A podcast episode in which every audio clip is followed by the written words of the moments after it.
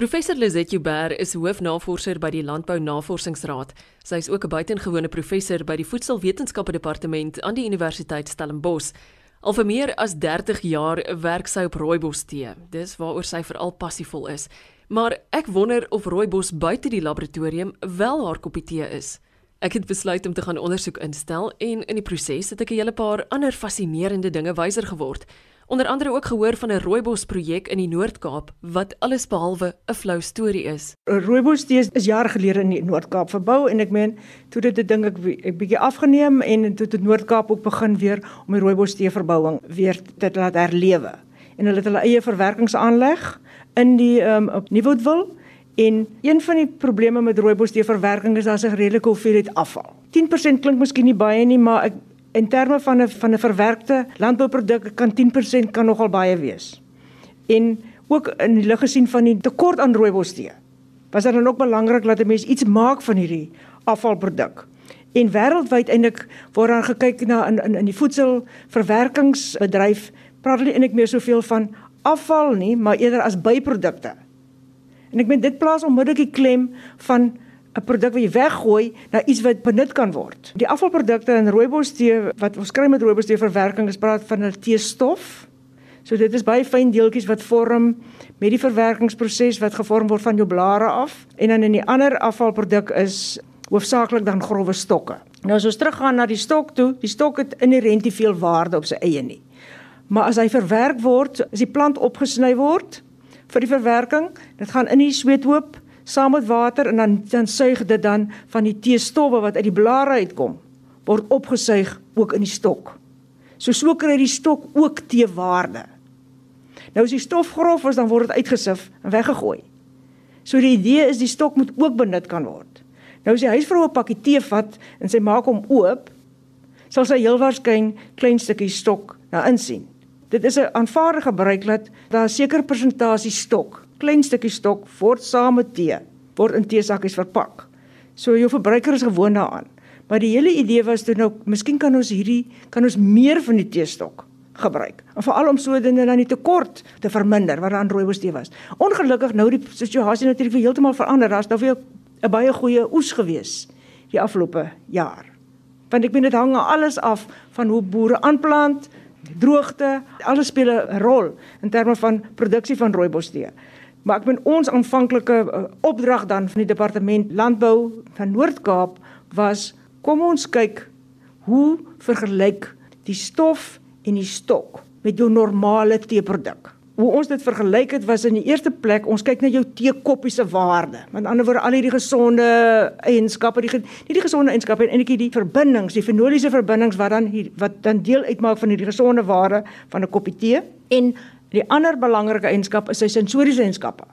As dit nie lekker ruik en smaak nie, wie gaan dit drink? So met ander woorde, dit was essensieel dat ons moet kyk na die sensoriese eienskappe. En die sensoriese gedeelte is dan gedoen deur die in samewerking met die met die um, Universiteit van Stellenbosch, die departement voedselwetenskap. Sy het 'n oulike staaltjie oor die mense wat die meeste tee drink in die wêreld. Ja, die Japaneese, ek is ek het nou ek het so vir 8 jaar lank het ek 'n samewerkingsprojek gehad met die Japaneese en ek het baie geleer by hulle oor hoe hulle tee sien. Ek meen boonbehalwe dat hulle is het al regtig dit is van antieke geskrifte af al wat kom en ek van die Chinese af wat tee het gesondheidswaarde. Is destyds gesien as 'n medisyne.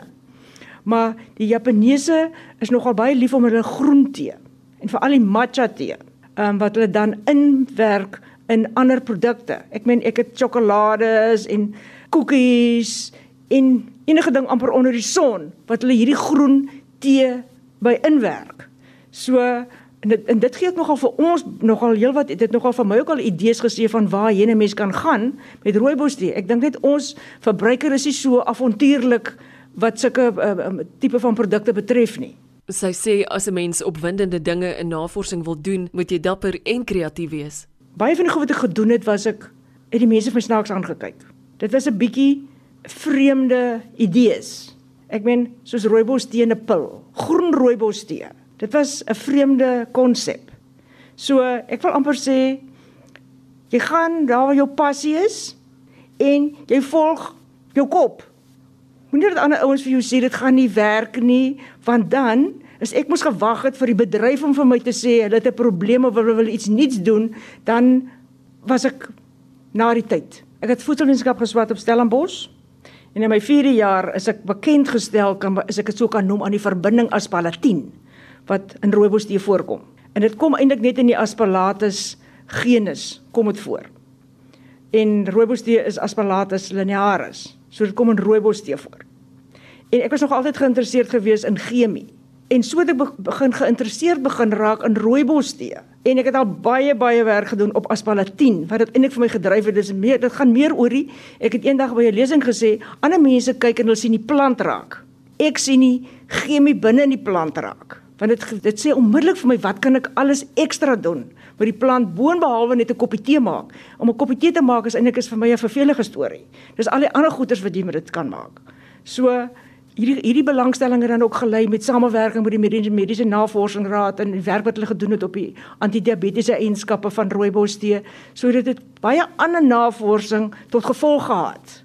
Wat dit het begin basies deur belangstelling in die chemie van rooibos tee. Toe ek begin werk het was daar niks op rooibos tee omtrent bekend nie. Daar was 5 publikasies en ek moes amper maar die inligting skep soos ek aangaan. Ek het niks gehad om terug te val nie. Ek werk ook op heuningbos tee. Jy weet en hy en dit bring weer vir jou ander chemie. Hy het weer ander chemiese samestelling wat weer vir jou ander interessante produkte tot gevolg kan hê. So dit is die hele tyd jy soek maar na nuwe na 'n nuwe rigting waarna kan gaan dat jy kan uitbou. En ook eintlik dan dat dit op die ou einde van die dag moet dit tot voordeel wees van die bedryf. Ek meen baie van ons navorsing is baie sterk het 'n basiese inslag. Maar dit dit is die eerste ding is dit plaas net 'n fondament waarop ons dan toepassings moet bou. Ek meen toe ek begin swat het, is dan baie maklik gesê, ag, Jy weet julle meisies wat wat in die natuurwetenskappe swat. Julle klomp blou kouse. Nou ek kan nou nog uitfigure waar kom die blou kous gedeelte vandaan nie, maar ek dink ek weet nie wat 'n blou kous is, ek ignoreer dit. En ek meen hier is ek vandag. Ek is 'n navorser. Weet, ek werk al meer soos ek sê 30 jaar in hierdie in hierdie veld.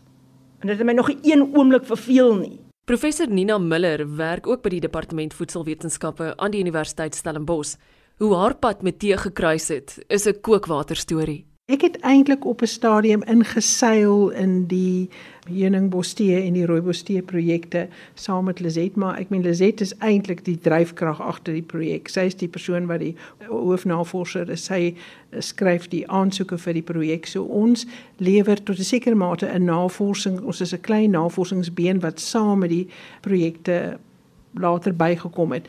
Miskien omdat hulle baie sterk op die chemiese kant na die produk kyk en die fenoliese eienskappe van die produk kyk, maar in enige produk wat die verbruiker drink of eet, is dit nogal belangrik om te weet wat is die sensoriese kwaliteit van die produk. Dit wil sê hoe proe hy, ruik hy lekker, is hy aanvaarbaar vir die verbruiker ensovoorts. Nou hulle het dit byvoorbeeld genoem in die verlede het hulle so van rooi rooibos tee gesê, "Oeg, die stokkies tee is so lekker." Miskien kan jy iets daaroor sê die hele ding van die stokkies was maar ek dink dit was maar net 'n soort van ek weet nie of dit 'n geloofie is of wat nie. Want jy weet hoe gaan dit, jy weet 'n soort van die deur oorlewering dan sê mense dit is nou vir hulle die beste ding en daar's nog steeds mense vandag wat glo stokkies tee is die beste. Maar dit kan ook te doen wees daarvan dis daar word die tee gepasteuriseer om te seker te maak is microbiologies sekere vlakke, goeie kwaliteit en microbiologiese goeie kwaliteit. So ongelukkig die proses wat gebruik word om dit te doen is 'n stoompasteurisasie proses. Jag baie van jou vrugtige geurstowwe. So met ander woorde daai top note van die geur van rooibos die jag dit af. So, miskien is dit hoekom die mense nog dink stokkies tee, want stokkies tee word nie gepasteuriseer nie. Dit kom baie keer kry hulle dit sommer by die boer op die plaas. Stokkies tee is amper half die ongeverfynde tee. Hy's nog nie uitgesif nie. Dis alles bymekaar. Ons het binne in die eerste paar jaar, dit was hier in 2011 daar rond, het ons baie uh, monsters van rooibos tee van al die produksie areas gekry en ons het 'n paneel opgelei om sensories daarna te kyk. Dit wil sê hulle moet dit beskryf en hulle moet 'n uh, intensiteit aan elke eienskap wat hulle daarvoor gee. Nou daar's was baie eienskappe wat daar uitgekom het, maar op die oomblik is dit omtrent 17 sensoriese uh, eienskappe wat die tee beskryf wat betref die aroma eienskappe en die geur eienskappe. Soos byvoorbeeld, mense sou kon sê daar is drie basiese eienskappe wat in hoë intensiteit in rooibos tee voorkom Ons noem dit in Engels rooibos woody. Dit sal byvoorbeeld wees 'n houtagtige rooibos houtagtigheid. Dan is daar 'n blomagtigheid aan die rooibos tee. Daar's ook sterk heuning in die rooibos tee en dit is jou drie primêre eienskappe wat in meeste tees voorkom by redelik hoë intensiteite. Wat ook voorkom is karamel, sekere vrugte soos byvoorbeeld appel of appelkoos wat ook daarin voorkom, maar dit noem ons sekondêre uh, geureienskappe. Maar dit is almal die positiewe eienskappe wat 'n mens kan um, in in rooibos tee kry. Daar's natuurlik foute ook geurfoute wat ook in rooibos tee kan voorkom en dit is waar die positiewe eienskappe meer inherënt aan die produk is, is die foute inherënt aan die proses en dit kan deur die proses veroorsaak word. Dit wil sê as die proses miskien nie optimum uitgevoer word nie. En dit is byvoorbeeld soos hooiagtig of groen gras, blomwater wat besig is om af te gaan of soos byvoorbeeld rubber wat daarin voorkom. So eintlik ons het na baie monsters oor die verskillende produksieareas gekyk wat betref die positief en die negatiewe eienskappe wat tipies voorkom in sensoriese eienskappe wat jy met rooibos assosieer en toe het ons 'n wiel saamgestel. So ons het baie goeie soos basisdata wat ons kan gebruik vir in ander projekte. En toe hierdie projek van Noord-Kaap nou opkom, het ons gekyk na die stofgedeelte wat in 'n ekstrak gemaak is en ons het 'n profiel daarvoor gekry. En dit was baie soos in die rooibos tee. Hy verskil nie eintlik veel nie. Toe het ons ook van die stok is opgekap. Dit lyk soos rooibos tee, maar dit kom net van die stokgedeelte, hoofsaaklik die stokgedeelte en hy is baie flouer. Hy is geneig om 'n frankagtigheid te hê. En toe het daar 'n fout geur voorgekom wat ons nog nooit agtergekom nie. En dit proe soos rou hout of soos as jy potlood skerp maak daai houtagtige geur wat jy kry as jy potlood skerp maak dit ruik en proe net soos rou hout En wat ons toe gedoen het is ons het gesien die ekstrak werk baie goed. Hy's baie soos gefermenteerde tee. Dit wil sê wat van die stof gemaak is. Die rou hout uh, of die die stokgedeelte gee vir jou nie 'n goeie tee nie. Hy trek nie sterk nie en hy is ehm um, flou en hy het hierdie amper 'n fout geur, naamlik hy proe en ruik soos rou hout. Dit ons gekyk as 'n mens die verskillende die twee bymekaar sit in verskillende kombinasies 50-50 daai afgeur die rouhout afgeur het nie weggegaan nie. Deur middel van sensoriese analise kon ons die kwaliteit van die stok bepaal, ons kon die kwaliteit van die die die ekstrak wat stof is kon bepaal, maar ons kon ook kyk wat is die 'n kombinasie van die twee kan ontslaa raak. Dit wil sê kan die bedryf byvoorbeeld die bietjie meer stok as wat hulle heidaglik doen invoer in die ehm um, meng met die met die gewone rooibos tee. Ek dink wat die wat die die, die rol van sê soos byvoorbeeld die sensoriese analise wat hulle by voedselwetenskap doen, die die produk word so half uitmekaar uitgetrek om te verstaan. Waar is foute in die produk? Partykeer kan ons daai foute terugwerk na verwerkingsprobleme. So met ander woorde jy kan terugvoer gee aan die voedselverwerker om te sê luister, hierso is 'n fout met jou met jou produk en ons vermoed dit as gevolg van hierdie en hierdie probleme wat jy het in die fabriek.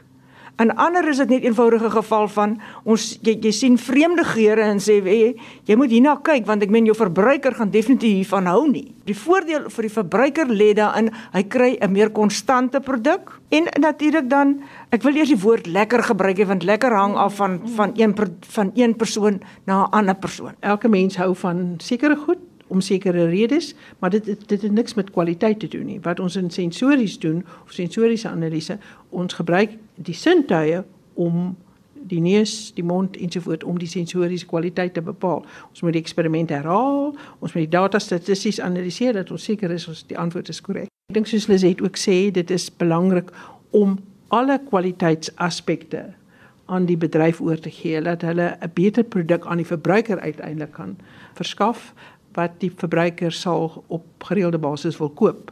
Dit gaan net oor hy is van een keer na die volgende keer toe is hy baie meer dieselfde. Ek kry mense wat vir my sê ek het 'n pakkie tee gekoop en ek het vreeslik af van gehou en die volgende keer het ek gekoop en, en dit was nie vir my lekker nie. En ek self kry en ek drink nie eens rooibos tee nie. Al wat ek net kan sê die verskil tussen my en Lizet en is uh, hulle gebruik chemiese apparaat. Uh, jou sintuie is almal kan proe en almal kan ruik En baie keer sien mense sensoriese analise nie as 'n wetenskap nie. Maar ek meen wat ons doen is ons kyk nie na of die ding lekker is of nie.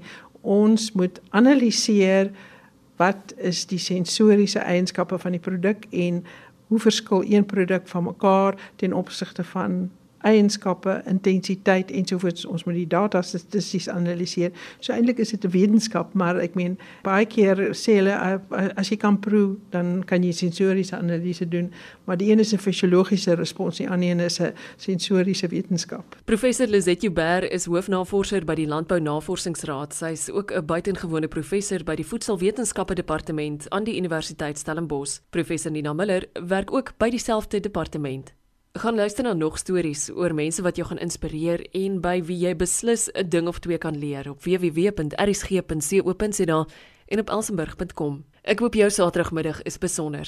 Dankie vir die inskakel. Ek's Eloise Pretorius. Totsiens.